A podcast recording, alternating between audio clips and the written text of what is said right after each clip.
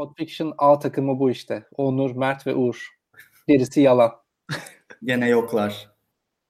Gerisi yalan. Onlarla zaten Ya. kötü gidiyor. Akmıyor onlarla. A takımı bu işte. Onur, Mert ve Uğur. Gerisi yalan.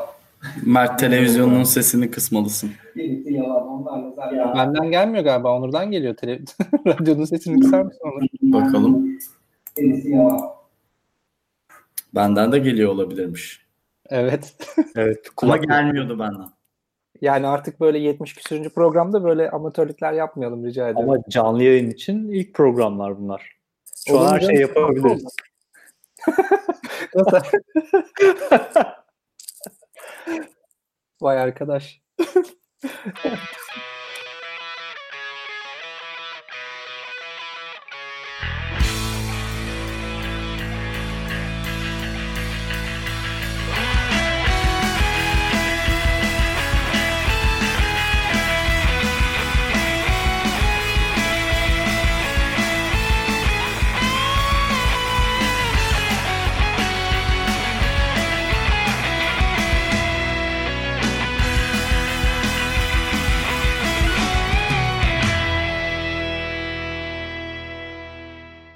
İyi abi ya. İş değiştiriyorum yakın Hayırlı olsun. zamanda. Ne? Teşekkürler.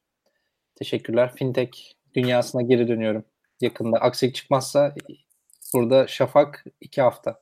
Özledin mi Fintech'i? Özledim abi ya. Bambaşka. Yani özellikle bakış açısı böyle büyük e, corporate'ların çok parası olunca bakış açısı çok kötü oluyor. Para varsa derdim var yani. Böyle fintechlerin daha optimize ve düzenli ve böyle ne bileyim daha doğrusu startup kültürünün o düzenli, optimize işte böyle hızlı ilerleyen dünyasını çok özledim. Fintech'ten ziyade. Anladım. Yani Böyle bir corporate'da daha sanırım o kadar şey olmuyor. Hızlı ilerlemiyor işler. Olmuyor abi. Kimse risk alamıyor. Kimse böyle elini taşın altına sokamıyor. Soksa da çok korkuyor. Risk alıyor. Yani böyle çok kötü ya. İnsan profili de çok garip. Yani Orada regülasyonlar da bir farklıydı değil mi Mert? Böyle şey bankalar, dijital bankacılığın önü bayağı açıktı. O yüzden büyük bankalar e, öyle bir şey anlatmıştı yanlış hatırlamıyorsam. evet Farklı doğru. firma kuruyorlardı falan. Evet evet. Yani fintech burada çok şey. Yani bir de böyle finansal da bir geçmişi var buranın. Yani buranın yıllık bayramları bile daha doğrusu yıllık tatilleri e, bile şey yani bank holiday deniyor. Bankaların bankaları kapatmak için yapılmış tatiller birçoğu. Yani dolayısıyla finans üzerine kurulu bir ülke yani baktığın zaman. O yüzden en güzel yer yani fin- fintech çalışıyorsan. Diğer ne oldu? Şey Öyle. ne oldu? Neydi adı? Adını unuttum bir önceki fintech firmasının. İlk girdiğin firma neydi? Vonga. Ha Vonga. Vonga mı? Ne yaptı Vonga? Vonga devam ediyor işte. Ee, ama bu yılın sonunda İl- İngiltere şeyi kapanıyor. Ee, işte orada şey yaptılar nasıl derler regülasyonlar değişti. Regülasyonlar değişti geriye dönük belli bir şeyler ödemesi gerekti. Ee, yani aslında fazladan charge ettiği e, şeyleri e, kredi masraflarını geri ödemesi gerekti. Onu ödeyince de firma şey oldu. Çıkmaza girdi. Bu yıl sonunda kapanacak diye en son duydum. Ama devam ediyor hala. Ama yazılımcısı kalmadı artık. Herkes herkes ayrıldı. Yani bir şey geliştirilmiyor yani artık. Evet evet. Yani şey oldu böyle artık insanları tutmak için şey veriyorlarmış. Bonus veriyorlarmış. 3 ayda bir bir maaş ikramiye veriyorlarmış. Herkes gidiyor çünkü. Firmanın geleceği kalmayınca. Bir de öyle bir şey ki piyasaya çıktığın anda iş buluyorsun. Yani bir haftada iş herkes iş buldu. bir anda. Herkes kaçtı gitti. Onur sende ne var ne yok ya? İyidir. Ben de bir, bir ay önce değiştirdim. Ee, ben de Trendyol'a başladım bir, bir ay önce. Şimdi Barış da başlıyor. Fırat başladı. Yine Code Fiction ekibinden. Bu sefer çoğunluk olarak yok 3'e 3 oluyoruz değil mi Armut ekibiyle? Evet Armut'la kafa Hmm. kafaya geldik. Bir kişi daha almamız lazım. Ama hangi tarafa aldık? Armut'u alalım tabii canım. Armut en büyük destekçimiz bizim. Evet ya Armut sağ olsun. En büyük sponsorumuz. evet evet. Armut.com olmasa nasıl ödeyeceğiz AWS masraflarını? Evet ya. O dashboardlar. Tabii cayır cayır para yakıyor. Aa bu arada e, şeyi konuşuyorduk dashboard demişken e, bence e, dashboard'a katkı veren arkadaşlara bir teşekkür edelim ya. Hak- Aa doğru. Yani Evet. insanlar o kadar destek veriyorlar, şey yapıyorlar. Harika temalar çıkarıyorlar, geliştirme yapıyorlar. Evet. Bence O bir zaman- contributor'lara O zaman şöyle bir contributor'ları açalım. En çok commit yapan tabii ki ben. O zaman Bana bir teşekkür edersek. Ama bu arada ikinci de e, Mustafa. Yani Evet. e, 4950 şey 4940 edition 4582 de de- delete'i var yani. Az buz değil. abi adam en güzeli. evet bayağı temizlik yaptı o. Bayağı toparladı. Eli kolu yüzü düzeldi ya. Böyle güzel bir şeye benzedi yani. Benim yaptığım güzel değildi. Çok teşekkürler. Sonra Uğur var. Uğur'a da tebriklerimizi buradan gönderelim. Sağ olun. Bir de şey var. e, ya işte Yusuf Kağan Karakaya var. O da Docker e, imajı ile ilgili birkaç bir şey düzeltti. Issue açtı. En önemlisi en çok en çok sevdiğimiz o issue. Issue'ları çok seviyoruz. Evet. Bir de işte Deniz var. Yani Deniz işte. Söylemesen işte olur. Yok ya o çok çok garip bir işe girdi orada. Gitti linting rule'larını değiştirdi falan. Hani böyle yani böyle kımıl zararlısı gibi böyle şey yaptı. Hepimizi hepimizi disrupt etti bir süre. Ama, ama çok zor bir işe girdi yani. Bayağı zor bir işe girdi. Güzel oldu sonunda. Şimdi pre, pre commit e, hook'ları falan eklemiş. Commit etmeden önce şey yapıyor. Linting'i çalıştırıyor. Ben ona karşı çok çok ön yargılıydım o, onu yapmasına. Sesimi de çıkartmadım ama şimdi hoşuma gitmeye başladı. Evet. Sadece Ben sorun şey oluyor. Ya. Ya sorun ne oluyor biliyor musun Onur? Bugün mesela bir şey yaptım orada. Küçük bir hani böyle bir şey. Öylesine bir commit yapıp push edeceğim. Eve gelip evdeki bilgisayardan devam edeceğim. Onu yaptım. On, bir sürü linting hatası verdi. Onlarla uğraştım bir saat. Evet, işte o yüzden ben de şey kendi branch'imi en azından yapabiliyor olmalıyım ya. Evet, belki vardır konfigürasyonu bilmiyorum. Ama sonuçta bir kerelik. Herkes aslında onboard olunca yani o yapıyor. Ya, Hayat evet. oluyor. He, yani güzel bir şey ama birkaç defa da beni şeyden kurtardı yani. Build fail olacağını benim makinamda fail oldu zaten linting. Düzelttim hemen. Güzel oldu. Güzel abi. Bugün nereden başlayalım? Şeyden başlayalım mı? Ee, Benim patrondan başlayalım. Senin patron. ben demedim. Ben de Uğur şahitsin ben demedim. Evet Değil abi yani canlı yayında adam söyledi yani benim Ama patron. diyecekti ya o yüzden. Hiç demeyecektim. Ali Baba'nın patronu diyecektim. Ee, Çinli milyarder e, Jack Ma, Ma ya da nasıl okunuyorsa bilmiyorum. Jack Ma herhalde. Al galiba. Evet. Jack Ma. Jack Ma.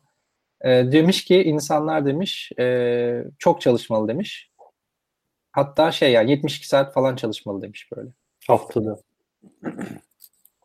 Ne düşünüyorsunuz? Hatta şey demiş yani aslında e, 72 saat çalışanlar e, blessed demiş. Hani kutsanmış diye çevireceğim ama değil herhalde. Kutsanmış demek istememiştir. Yani böyle onları çok seviyoruz gibilerinden söylemiş.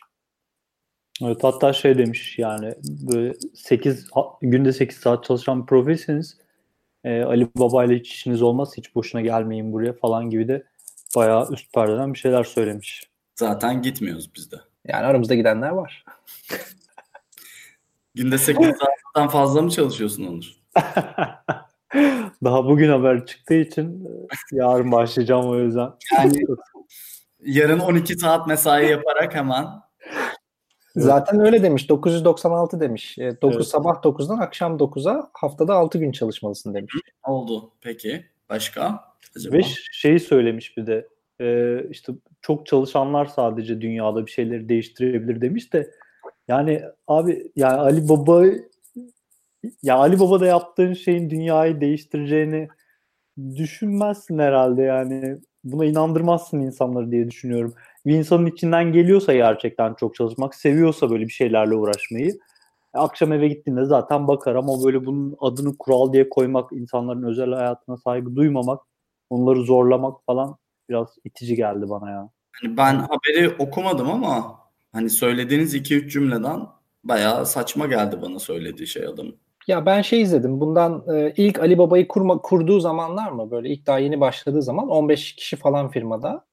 O zaman o firmadaki çalışanlarıyla şey diyor. Yani biz diyor e, şeyle yarışıyoruz diyor. Bizim rakibimiz diyor Amerikalılar diyor mesela. İşte ya da Avrupalılar diyor. Ve onların e, bizim diyor handikapımız var diyor. Çin'de geliştirdiğimiz ve Çin'de başladığımız için. Bu yüzden bu arayı kapatmak için çok çalışmamız lazım. Onlarda olmayan şey biz çok çalışabiliyoruz. Onlar bizim kadar fazla çalışamıyor de- diyor falan böyle. Ha, öyle motive ediyor insanları.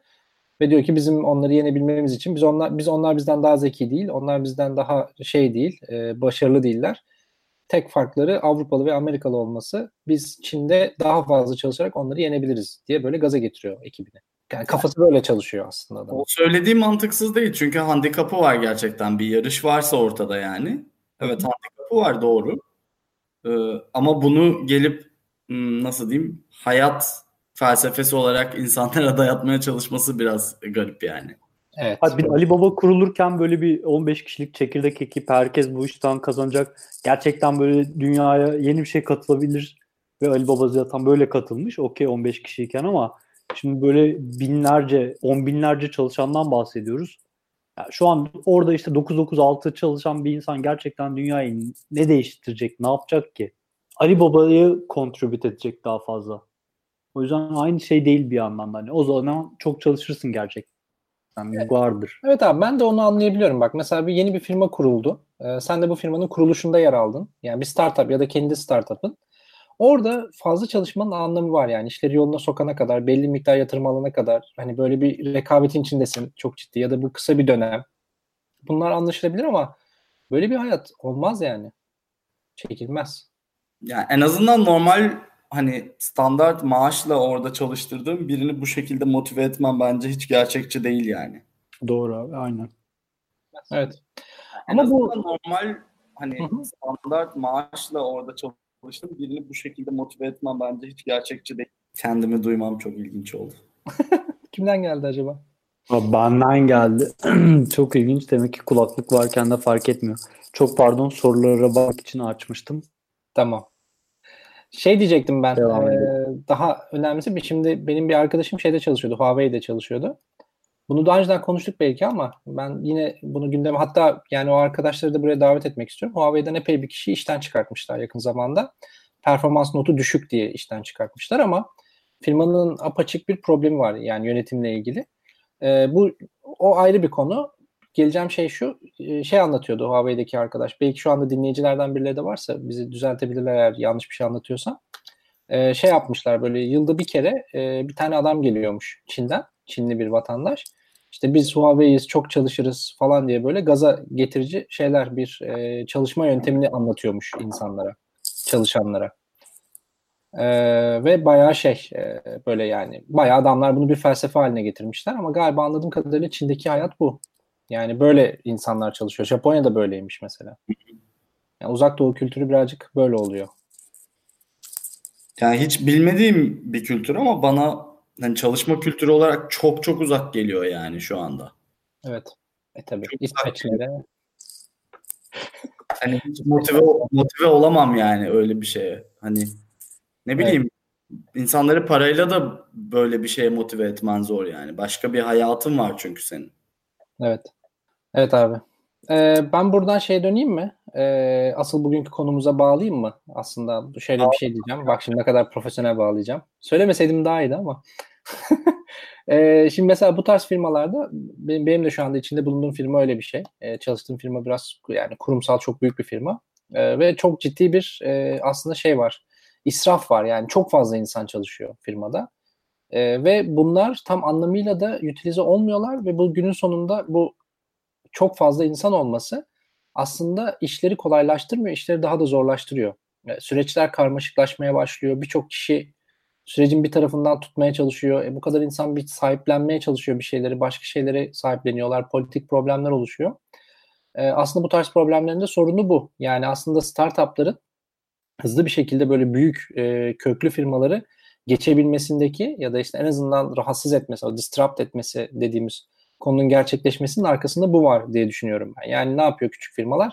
Değer odaklı, e, sadece müşteriye e, müşteriyi mutlu edecek, müşteri odaklı çözümler üretiyorlar ve ekibinde de mümkün olduğunca israfı azaltıyorlar. Aslında daha yalın bir e, yapıya gidiyorlar. Yani bir süreç varsa o sürecin 50 tane sahibi e, olmuyor da o sürecin başında bir grup olmuyor da herkes o sürecin bir şekilde sahibi oluyor. Dolayısıyla o gruba ihtiyaçtan e, kopuyorlar ve daha da oraya, oraya harcayacakları parayı başka bir şeye harcıyorlar mesela.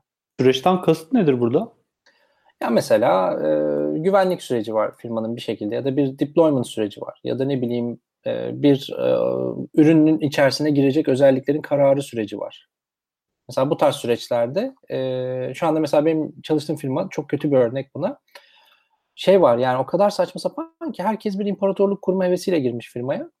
İşte product owner bir tane şey var en başta bir head of product var. Ondan sonra product owner'lar var. Sonra o product owner'lar zamanla yükselmek istemişler. Kendileri yukarı çıkamamışlar. Kendi alanlarını genişletmişler. Yani işte şey yapmış mesela o senior product owner olmuş. Altına iki tane product owner almış. Sonra o product owner'lar junior product owner'lar almışlar. Yani böyle saçma sapan böyle bir şey var. Dolayısıyla tabii herkes o konuyla ilgili konuşuyor, fikir beyan ediyor. Çok güzel ama çok fazla fikir de ortada olunca karar vermesi ve süreçleri ilerletmesi çok güç oluyor. Evet, kararı kim veriyor mesela böyle bir ekipte? Kavga dövüş kimse veremiyor abi. 3 aydır e, şey verilecek yani işte ekipler şimdi bölünmeye çalışılıyor. Reorganization hazırlanıyor. E, işte şey olamıyor yani bir türlü yürümüyor iş. Sürekli toplanıyoruz ama toplantıdan sonuç çıkmıyor. Hı. Benim bir önceki firmada da öyleydi. Bir de şey oluyor o dikeydeki e, ekipler mesela dediğin gibi güvenlikle ilgili bir ekip. O ekip e, sadece böyle kendi yerini tutmak için hareket etmeye başlıyor bir yerden sonra. Böyle işte ekipler arasında o dikeyler arasında kavga olmaya başlıyor. Bu senin Hı. probleminde sen yaptın falan diye. O, evet süreçlerin sahipliği gerçekten problematik bir konu. Peki buna çözüm nedir? Yani Daha nasıl çözüm şu an? Reorganizasyonda neyi yapmayı başar, neyi yapmayı düşünüyorlar? Ya işte reorganizasyonun bu tarafında problem olduğunu düşünmüyorlar. Benim ayrılma sebebim de bu. Yani bu yüzden ayrılıyorum. O taraftaki insanları kırmadan e, onların anlaşabileceğini, uzlaşabileceğini düşünüyorlar ama uzlaşamıyor onlar da. Böyle bir sürüncemeye giriyor. 3 aydır e, pay, şeyleri paylaşmaya çalışıyoruz. Alanları paylaşmaya çalışıyoruz ama işler saçma sapan boyutlara geldi yani. Yani bana kalırsa büyük bir firma bir eğer bir dönüşüm planlıyorsa o firmayı dönüştürmektense belki de yeni bir e, startup oradan spin out yapıp tamamen dışarı çıkartıp onu e, onun için de kendi organizasyonu daha yalın süreçlerle implemente etmek sağlıklı olabilir. Çünkü ne oluyor? Bu sefer mesela sen ekipte şeyle konuşuyorsun. Product owner'la konuşuyorsun. O diyor ki ben buna karar veremem. Senior product owner'a gideyim. Senior product owner'a gidiyor. Geri geliyor sana. Sonra sen onu tekrar challenge ediyorsun. Çünkü yani konuşuyorsun sonuçta. Sen de mühendissin. Onu challenge ediyorsun. O da seni challenge edecek. Birbirini zorlayacaksın. Bu sefer daha üstüne gitmen gerekiyor falan böyle iş uzuyor. Halbuki bizim önceki yani en son çalıştığım firmada e, bu, buradan önce bizim karar vermemiz 5 saniye falan sürüyordu yani. Tartışıyorduk. En son şeyi tartışıyorduk yani bunun müşteriye ne faydası var? Ne değer katıyor müşteriye? Tamam ben onu çıkartayım diyordu product owner. Gidiyordu hesap kitap yapıyordu. Diyordu ki eğer bunu yaparsak bu sene şu kadar milyon pound kar ederiz diyor mesela. Ya da işte business'ta konuşuyor. Diyor ki biz kişi başına 300 bin pound kar edeceğiz diyor mesela. Öyle bir hesap yaptığın zaman zaten değeri çıkmış oluyor. Ondan sonra tartışacak bir konu kalmıyor ortada. Onu ölçmek çok zor ama Mert, değil mi? Doğru. Çok zor abi. Çok fazla hani domain knowledge gerektiriyor. Bazen tabii estimation ve projection da yapıyorsun ama Hı hı. kabaca bir şeyler çıkartabiliyor olmaları bile bence bayağı etkileyici yani. Evet. Ama işte önemli işin temeli bu aslında. Yani yaptığın işi neden yapıyorsun? Müşteriyi yani para kazanmak için yapıyorsun.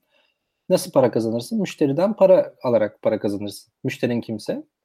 O ne kadar para alacağını bilmiyorsan o şeyi implement edemezsin. Etmemelisin. Ya ben şu an onun onun peşindeyim de e, Hı hı. hani bir şey inşa edeceğiz diyelim. Bu inşa ettiğimiz şey bize ne fayda sağlayacak veya ne kadar işte yıllık şirketin gelirine katkıda bulunacak. Evet.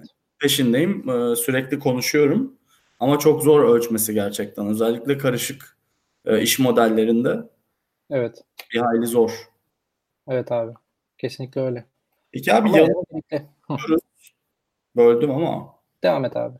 yani bu işte ar- artı veya israfı hani israftan kurtulmak bu sadece yazılım olarak mı bakmak lazım buna veya yazılım organizasyonu mu yoksa şirket kültürü olarak mı bakmak lazım? Çünkü bu bahsettiğim mesela dikeylerin oluşması, o dikeylerin birbiriyle savaşı işte veya kendi yükselememiş insanların e, kendi alanlarını genişletmesi. Bunlar sanki daha böyle yönetimsel e, meseleler gibi de geliyor bana. Yani yukarıdan gelen bir kültürün olmaması da buna sebep oluyor olabilir mi? Evet. Katılıyorum olabilir. Gerçekten. Yani firmanın bir vizyonunun aslında oturmamış olması ya da vizyonuna e, çalışanlarının inanmıyor ya da bunu benimsememiş olması da buna sebep olabilir. Hmm. Diye düşünüyorum. Ama tabii sadece şey olarak bakmamak lazım. Yani aslında bizim yazılım sürecinde de bir sürü israfımız oluyor. Tabii. Yani mesela dokümantasyonun abartılması da mesela bir israf sayılabilir. Mesela başka böyle bir şey aklınıza geliyor mu? Mesela ne gibi israflar var sizce süreçlerde? Over engineering. Değil mi? Mesela o ciddi bir israf yani. Dev israf yani. Evet. Ya da mesela çok erken karar vermek de bir israf. Çünkü Tabii. karar vermek için efor harcıyorsun, zaman harcıyorsun. Kararı çok detaylı vermeye çalışıyorsun. Mesela eh, çok sever Türkiye'deki birçok e, proje yöneticisi. Hemen karar verelim, her şeyi plana koyalım, sıraya koyalım, o sıraya göre işletelim mesela. O da çok ciddi bir israf aslında. Yani Lean'de e, efendim? Hiçbir zaman çalışmıyor.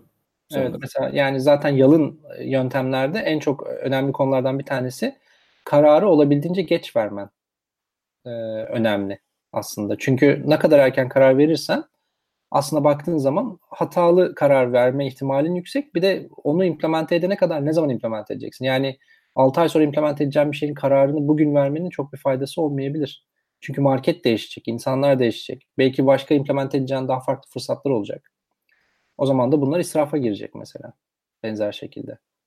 Yani o yüzden mesela bir yıllık bir roadmap çıkarmak çok mantıklı değil. Çok detaylı bir yıllık bir roadmap evet.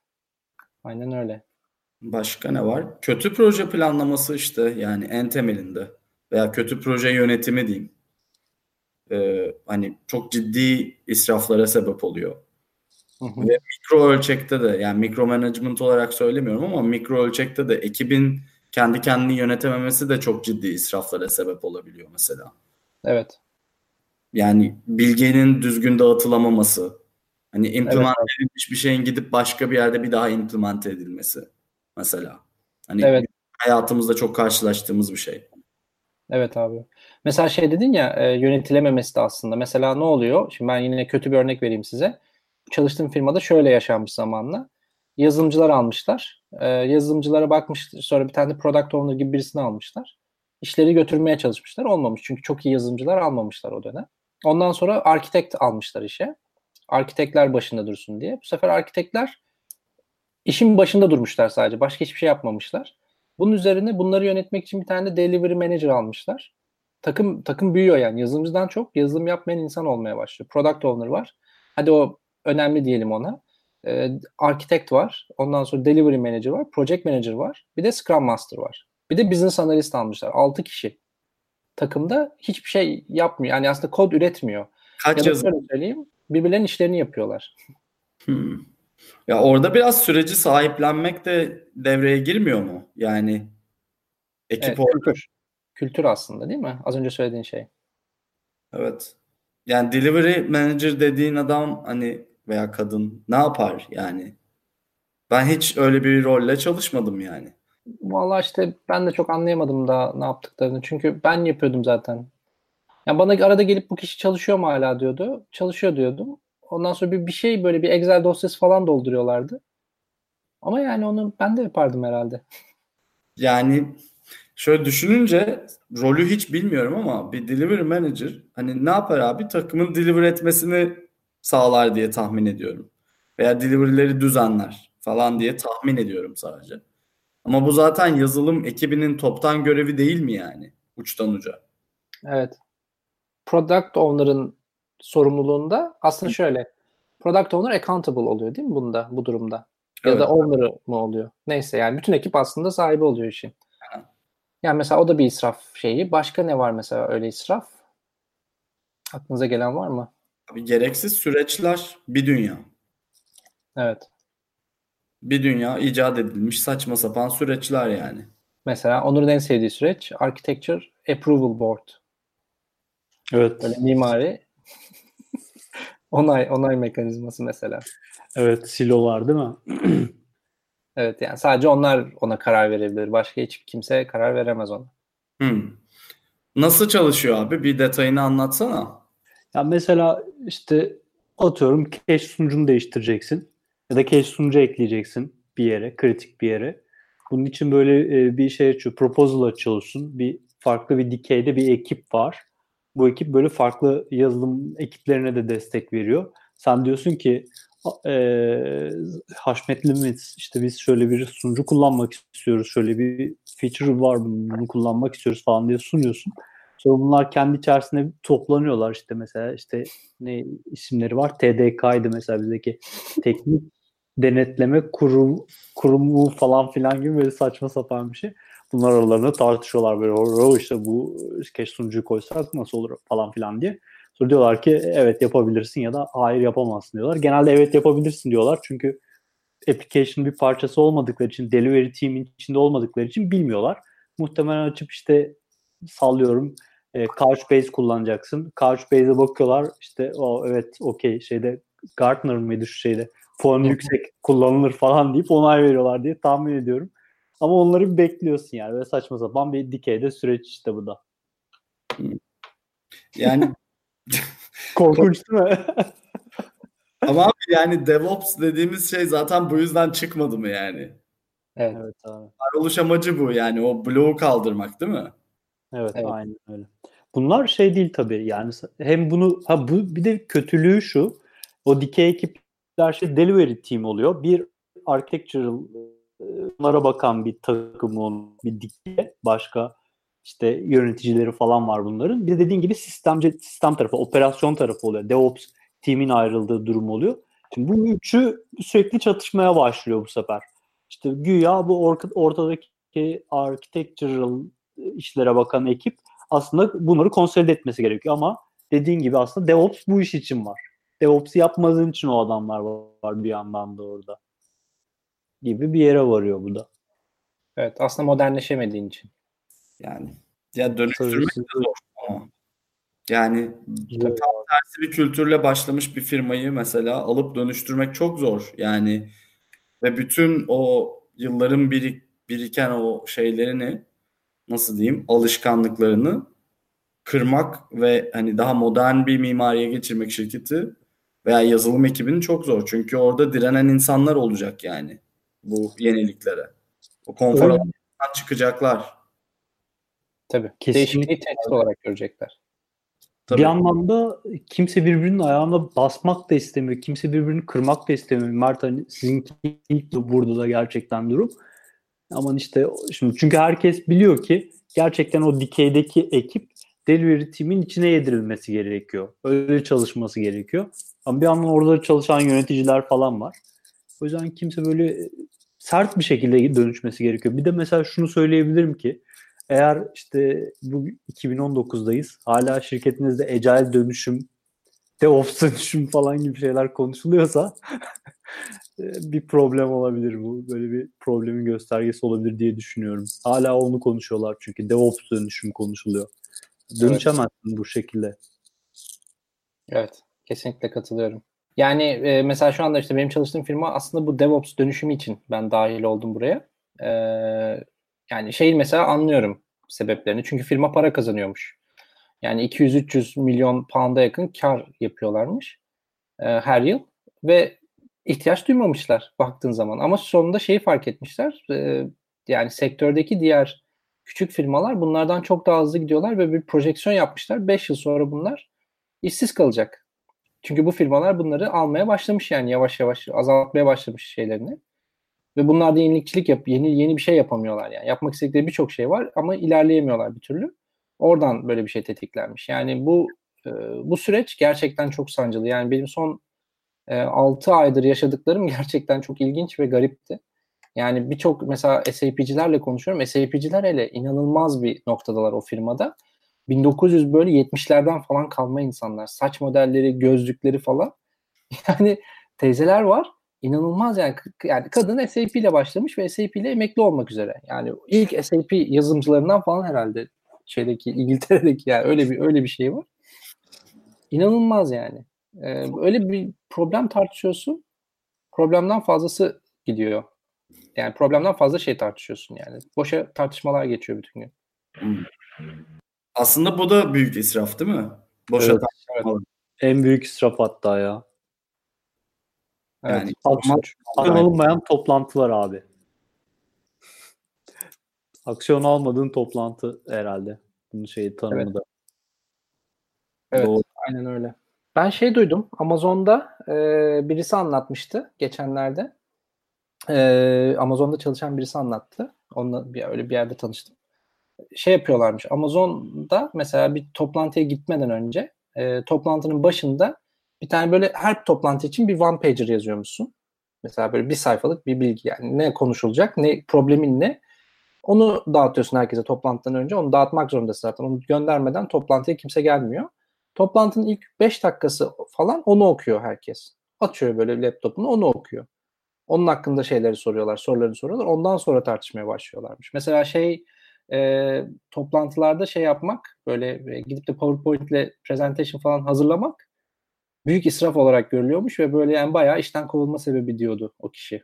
Belki abartıyordu ama yani gerçekten hiç kimse PowerPoint ile şey yapmıyormuş. E, bir sunum hazırlayıp da to- toplantıya öyle gelmiyormuş.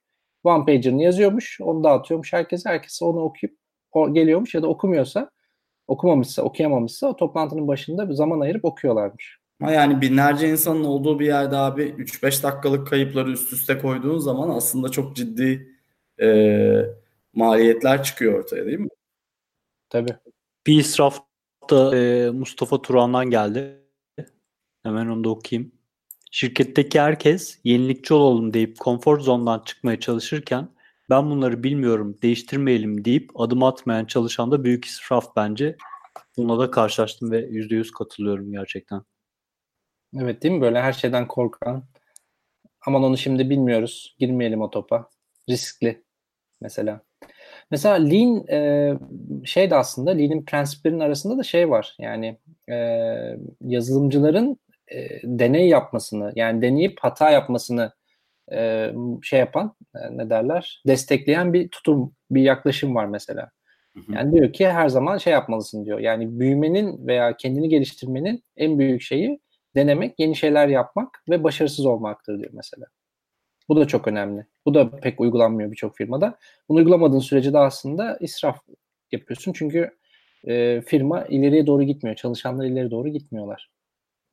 Yani öyle durumlarda şey olması gerekiyor. Gerçekten şirketin üst yönetiminin çok inovatif olması gerekiyor. Ancak o zaman inovasyon oluyor böyle şirketlerde. Ama sen eğer yazılım ekibinde o veya işte teknik ekibi de inovasyona dahil edebilirsen o yani fail fast şeyiyle asıl büyük değişim o zaman gerçekleşiyor ve kendi hani diyelim sen CEO'sun, CTO'sun neyse, neysen aslında senin vizyonunun ötesine geçiyor zaten o insanlar aslında hep beraber e, çalışarak. E, bence orada o çok önemli bir şey. Tabii orada bir de şey dengesi var. Yani yanlış feature'ları build etmek. Hani Hmm. o da onun da bir dengesi var bence o tecrübeyle gelecek bir şey. Özellikle yani ürün ekibinin tecrübesi çok önemli orada. Hani hem müşterilerle konuşmak hem pazarı iyi dinlemek, işte satış ekibiyle konuşmak, üst yönetimle konuşmak, yukarıdan gelen işte o direktifleri iyi almak, ürünü ona göre yön vermek Hı hı. ve yanlış bir şey inşa etmemek aslında. Evet. Kesinlikle öyle abi. Mesela bu durumda bence mühendise çok iş düşüyor şu noktada. Yani mesela product owner ben bir özelliği implemente edeceğim diye geldiği zaman aslında e, burada teknik ekibin şunu sorması lazım. Yani neden implemente ediyoruz bunu? Neden yapıyoruz? Yani neden demesi çok önemli orada ve hatta şöyle de bir cevap alması gerekiyor. Çünkü bunu yaparsak müşterilerimize şu kadar zaman kazandıracağız. Ya da işte bizim şu sürecimizde şu kadar artış olacak şu kadar para kazanacağız gibi bir açıklama yapması gerekiyor product owner'ın. Eğer Aynen. bu açıklamayı yapmıyorsa bence bir mühendisin burada şey demesi lazım. Bunu neden implement ediyoruz ki? O zaman başka bir şey yapalım. Bu o kadar da önemli değil diye ola, diyebiliyor olması lazım. Bence kaliteli bir yani hızlı giden ve şu anda modern dediğimiz ya da işte bu e, yani başarılı ve high performant olan takımlarda böyle işlemesi gerekiyor bence. Sizce bunu yapılabiliyor mu? Türkiye'de mesela öyle Türkiye'deki tecrübelerinize bakalım. Yani siz şimdi Türkiye'de şey olarak mühendis olarak product owner geldi böyle bir şey dedi. Hiç challenge ettiniz mi ya da edebilir misiniz? E, edebiliyorsun ama refleks olarak genelde benim gördüğüm ekiplerde şu oluyor. Ekip işte "E, abi çok yoğunuz sürekli iş geliyor sürekli iş var falan işte technical debtleri ödeyemiyoruz falan diyor. Sonra işte e, sen bakıyorsun gözlemliyorsun tamam arkadaşlar toplantılarda artık işte bu şöyle söylüyoruz. Ee, işte bu sprintte şu kadar puanlık technical depth halletmek istiyoruz falan gibi bir şey diyoruz. Dediğin noktada onun işlemeye başladığını görüyorsun. Yani bu soruna gelecek olursak da ekip refleks olarak e, böyle şeyleri sormaktan aslında imtina ediyor. İlk refleks olarak. O yüzden sürekli şey gözüyle bakıyor belki de PO'lara. İş onlardan gelir, onlar ne derse odur diye bakıyor. Ama e, hiç şeyi görmüyorlar. Bizim hakkımız var, bizim de merak edip cevap alabilmem gerekiyor diye bakmıyorlar. Onları bir anlatmaları söylemek gerekiyor sadece. Ama yapılabiliyor bundan sonrasında. PO'lar da sıcak bakıyor aslında böyle şeylere. Ya bazen orada şey olabiliyor abi. Emir demiri keser e, noktasına gelebiliyor iş. O da gene firma kültürünün ve işte bazen de pazarın aslında etkisi. Hı hı. E, ama bana kalırsa eğer o soruya cevap gelmiyorsa bu da e, ürün ekibinin tembelliği. Yani cevabını bildikleri bir soruya cevap vermiyorlarsa veya verebilecek kadar bilgileri yoksa bence sadece mühendislik ekibinin değil bütün şirketin aslında o kararı challenge etmesi gerekiyor yani. Biz bunu niye inşa ediyoruz ki? Hani ne işe yarayacağını bilmediğimiz bir şey inşa ediyoruz yani. Evet. Veya bize ne getireceğini bilmediğimiz bir şey inşa ediyoruz. Ee, Doğan e, şey yazmış. If ain't broke don't fix it terminolojisine tezat bir durum oluşuyor burada bence. Tek bir product üreten firmalarda inovatif olmak bu açıdan daha zor. Ama multi product bir şirkette yeni çıkacak bir product için innovative yollar deneyip eskileri eskileri geçişi daha yavaş şekilde ilerleyebilir demiş. Ee... Hmm, emin değilim ya. Yani ben e, mesela asıl en çok inovasyonu böyle sadece tek bir ürün yapan bir firmada yaşadım. Yani gerçekten inovasyonun ne olduğunu orada anladım. Yani orada çünkü bir kere işin gücün o. Yani takımlar sadece bu işi yapmakla sorumlu. Yani bir alanı var. O alanda geliştirme yapıyor ve product roadmap'ini çok iyi öğreniyor. Müşterisini çok iyi öğreniyor ve onun üzerine inovasyonu çok daha hızlı ve kolay bir şekilde yerleştirebiliyor gibi geliyor bana. Bilmiyorum Onur sen ne düşünüyorsun? Ben de öyle düşünüyorum abi. En basitinden mikroservisler bile şeydir ya, otonom takımlar sadece kendi business'ına odaklanır ve onu en iyi şekilde yapmak için e, kafa yorar. Bunun Hı-hı. üzerine yoğunlaşır. Bunun üzerine uzmanlaşır aslında. Atıyorum search ekibiysen e, search algoritmalar üzerine çalışabilirsin. Farklı teknolojiler üzerine çalışın. Hatta bunun için op, e, optimize edilmiş farklı tool'lar yazmaya kadar gider bu. O yüzden inovasyonu e, geride tuttuğunu ben de düşünmüyorum açıkçası bir product, tek bir product üzerinde çalışıyorsan. Hatta çok daha faydalı olduğunu düşünüyorum. Çünkü projekler şeydir ya zamanı vardır aslında. Deadline'ı vardır çoğunlukla projeklerin. Ve skobu vardır. Öyle gelir evet. sana. Aslında orada inovasyonu kısıtlıyor çünkü bir kapsam koyuyor. Evet. Sen sen ne diyorsun Onur? Şey e, Onur dedim. E, Uğur. Senin bakış açın ne? Ya ben çok böyle çok ürünlü bir şirkette fazla çalışmadım aslında. Ee, ama farklı tipte şirketlerde çalıştım. Yani patron tarafından mandayla yönetilen şirketlerde çalıştım. Ee, büyük ölçekli şirketlerde çalıştım. Startuplarda çok çalıştım. Ee, startupların pek çok fazını gördüm mesela. Hani ilk ilk fazlarda daha böyle kör topal ilerliyorsun inovasyon açısından. Ee, daha sonra mesela büyüdükçe müşterilerle daha çok iletişime geçip e, daha güzel inovasyon yapabiliyorsun ve daha fazla aslında veri akıyor yani şirkete. Bence bütün mesele hani çok ürün veya tek ürün olmasından ziyade odak. Yani sen ekip olarak odağını ne kadar verebiliyorsun? İnovasyon yapmanın bir sürü yolu var. Metodu var yani. Metotları var. Bunları uygulayıp inovasyon yapabilirsin yani. Ee, ama hani sen odağını ne kadar hani oraya kaydırabiliyorsun? Yani mesela baştan kötü bir ürün inşa ettiysen belki odağının %70'i 80'i e, bakıma gidiyor yani. O zaman ne kadar inovasyon yapabilirsin ki? O onlar da önemli. Yani tek bir faktöre bakmıyor iş bana kalırsa. Evet. Bu arada bu arada Slack kanalında Mustafa senin çok güzel bir fotoğrafını yakalamış. Ee, bir ara bakarsın. Benim Neyse. Evet senin. ee, ama şey yapabilirsin bence onu oradan kesip profil fotoğrafı yapabilirsin. O şey güzel diyorsun. o derece güzel yani ben hatta print out almaya gidiyorum. o zaman kapattık abi programı yani. ee, peki mesela şey ne diyorsunuz? Yani mesela yine lean e, ya da bu yalın firmalarda e, odaklanılan yani yine israftan kaçmak amaçlı takımların e, kendi kendine organize edebilen takımlara dönüşmesini istiyorlar. Yani takımı aslında şöyle kendi kendine organize olan bir takımdan ziyade ki otonom takımlara dönüşmek istiyorlar. Yani self-organized'dan da ziyade çünkü e, self-organized aslında bir şey alıyor. Dışarıdan bir direktif alıyor. O direktifi göre etrafında organize oluyor ama e, takımlar kendi başlarına karar veriyorlar ve karar verme mekanizmalarında arada başka kimselere ihtiyaç duymadan kararlarını bir şeye oturtup bir e, ne derler bir rasyonele oturtup o rasyonel üzerinden e, iddialarını kendi başlarına implement edebiliyorlar. Yani aslında izin almak yerine e, implementasyonu direkt yapıp direkt müşterilerine ulaşabiliyorlar. Aslında lean olmak ya da yalın olmak bunu e, da bir taraftan şey yapıyor, ittiriyor.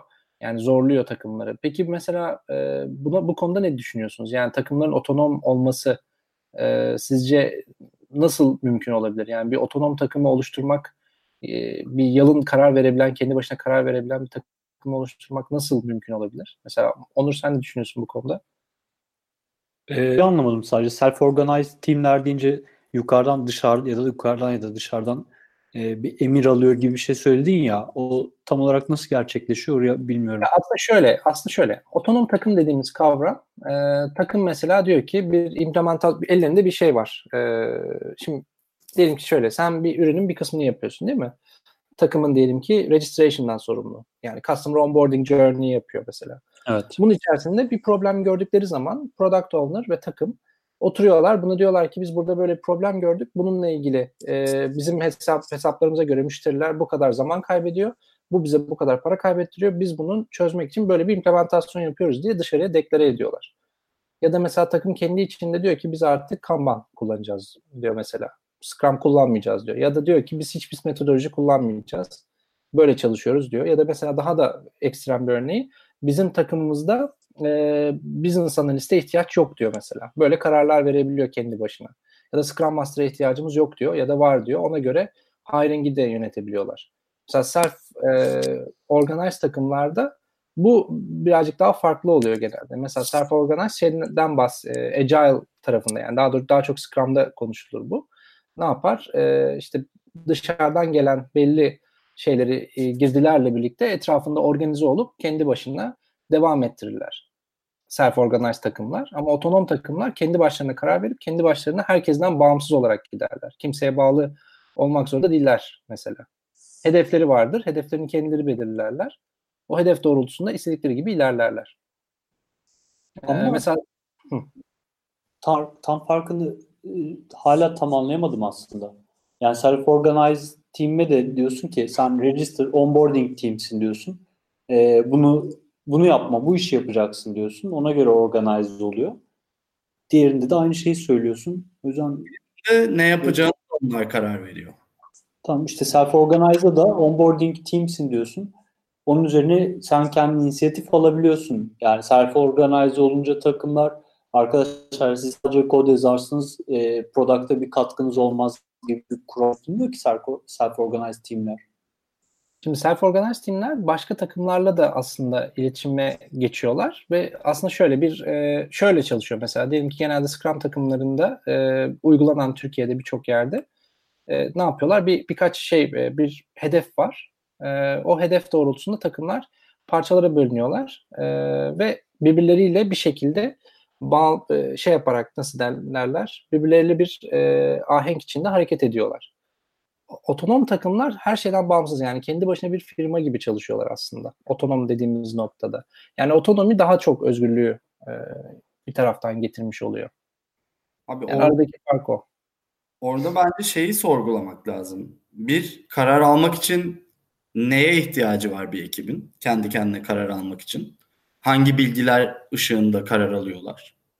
Hı hı. İkincisi de e, sen bu özgürlüğü o takımlara verdiğin zaman eğer karar almıyorlarsa veya hızlı ilerlemiyorlarsa ne sebeplerden dolayı bu kararları almaktan çekiniyorlar? Bence bu soruların yanıtını bulursan aslında Yani nasıl böyle ekipler kurabileceğini de e, bulabilirsin gibime geliyor. Peki mesela yani burada mesela engelleyen şey ne sizce? Yani bir takımın kendi başına karar vermesini engelleyecek şey ne olabilir? Yani ne gibi riskler olabilir? Mesela bir firmada eski tecrübelerinize göre düşünün. Ne gibi bir şey baş En büyük risk gelir kaybı olabilir şeyin takımın? mesela. Türkiye'de en büyük Mesela- şey galiba bunun nedeni e, şey olarak bakılması. Bu benim işim değil diye bakılması. Ben sadece developer'ım. Bana ne yapacağımı söyler. Ben sadece kod yazarım şeklinde. Ya mindset diye özetleyebilirim aslında. Hı hı. Hı. Peki mesela şey de olabilir mi? Hata yapmaktan korkan bir takım mesela. Yani firma kültürü öyledir ki hata yapıldığı zaman parmakla o yaptı diye böyle gösterir. Tabii. Parmak gösterir ekibe ve ekip mesela hata yapmaktan korkmaya başladığı zaman dışarıda başkalarının onun için karar almasını bekliyor olabilir mi? Tabii ki. Tabii ki yani. Mesela bu Türkiye'de benim en çok gördüğüm şeylerden bir tanesi. Şey var abi. Yani özellikle yazılım ekipleri için. Hani siz ne anlarsınız yaklaşımı var. Hı hı. Hani siz bu business'tan ne anlarsınız yani? Siz yazılımcısınız işte oturun yazın. Hani biz ne dersek. Mantalitesi de var. Yani yukarıdan gelen de bazen böyle bir kültür olabiliyor. Hı hı. Sorumlulukların çok net çiz, aşırı net çizilmesi diyebilir miyiz peki buna? Evet. Yani neye sahip olduğunu bilmesi gerekiyor takımın. Neyin e, ne onların sorumluluğunda olduğunu çok iyi anlaması gerekiyor. Doğru. Ben Gibi çok demek de doğru bu arada. Yani takımların oluşmasını isterken bilgi silolanması da bir risk bence demiş. Evet. Doğru. Bence kesinlikle katılıyorum yani. Ama işte bunun karşılığında ne kazandığın önemli işte. Burada ne değer ürettiğin önemli. Yani takımın e, böyle bilgi silosu oluşması yani bu takım sadece bunu yapar diye bir e, tanım oluşturursan bu sefer aslında bilgi silosunu bir kişi de değil belki de 8 kişi de oluyor. Yani o 8 kişi biliyor onun nasıl yapıldığını en iyi şekilde. E, Bunların 8'i de işten ayrılırsa tabii ki bir sorun bu. Aynen. Ama yani böyle bir risk az baktığın zaman. Ama diğer tarafta ne kazanıyorsun bu riskin karşılığında? Çok hızlı hareket eden bir takım kazanıyorsun. Bu takım çok hızlı bir şekilde karar verebiliyor. Çok hızlı bir şekilde problemleri görebiliyor ve hızlıca çözebiliyor. Ve sen bir daha geriye dönüp de bu takım ne yapıyor diye düşünmek zorunda kalmıyorsun mesela. Yani ama bilgi silolarının oluştuğu durumda da şöyle bir risk var. O takıma bağlı diğer takımlar ortaya çıkıyorsa hmm, ve o takım da o takıma bağlı karar vermek durumunda kalıyorsa o da bir tehlike tabii. Yani onları işte iyi yönetmek gerekiyor. Evet aslında o zaman otonomluğu başaramamışsındır. Evet, belki Diyebilirim. takım bazında oluyorsun ama şirket bazında hani makro ölçekte otonom olamıyorsun demektir gene. Evet. Dedikten sonra bugünlük kapatalım mı? Bence buna devam edebiliriz ya bu konuya. Daha bence konuşulacak çok şey var. Ben e, Fırat'ın ve Deniz'in de e, Fatma'nın fikirlerini de çok merak ediyorum. Hani onlara gömdük başta ama. Ha, bu o zaman episode 1 olsun mu bu? Ha, Barış da var evet. Barış'ı unuttum. Abi çok kalabalığız. Herkesin ismi bir anda aklıma gelmiyor. Fatma'yı da sonradan ekledim zaten. Özgen'i de unutmayın. Özgen de var. Evet. Evet bence bence ikinci bunun bir rövanşını alalım. Tamam. Hatta belki de e, böyle bir takımda çalışmış başka birisini daha alalım bizim dışımızda Olur. takıma. Dedikten sonra yavaştan kapatalım. Ee, bu arada son kez şey söyleyelim. Ee, Jenerik Mahmut abiye sor bölüm, birinci bölüm yakında geliyor. İlk bölümü kaydettik. Erman katıldı. Çok güzel bölüm oldu. Çok da kısa oldu. Yaklaşık 20 dakika falan. Ee, gelecek hafta için sorumuzu da belirledik. Eğer aksilik çıkmazsa, Fırat tembellik yapmazsa yarın yayınlanacak. Hatta onun için de çok böyle ödüllü yarışmalar falan düşünüyoruz. Onları da şey yapacağız, anlatacağız. Peki program çok tutarsa ileride jenerik Mahmut'un ne olduğunu da anlatacaksınız mı programda? Jenerik Mahmut işte. Bizim anlattık onun tarifini yaptık programda. Onur sen Hayır ya öyle değil. Gerçek jenerik Mahmut'tan bahsediyorum Mert. Biliyorsun neyden bahsettiğim. ya dur ya. Niye böyle bir köşe tamam, tamam. onun onun hikayesi şey kalsın öyle bir e, urban myth olarak kalsın. Şehir efsanesi olarak kalsın. Tabii ben de o yüzden öyle söyledim canım. Gizem. sonraki de çok kötü top atacağım sana haberin olsun. Tamam yolla. O zaman iyi akşamlar diliyoruz herkese. Çok sağ olun. Haydi bakalım. Hoşçakalın.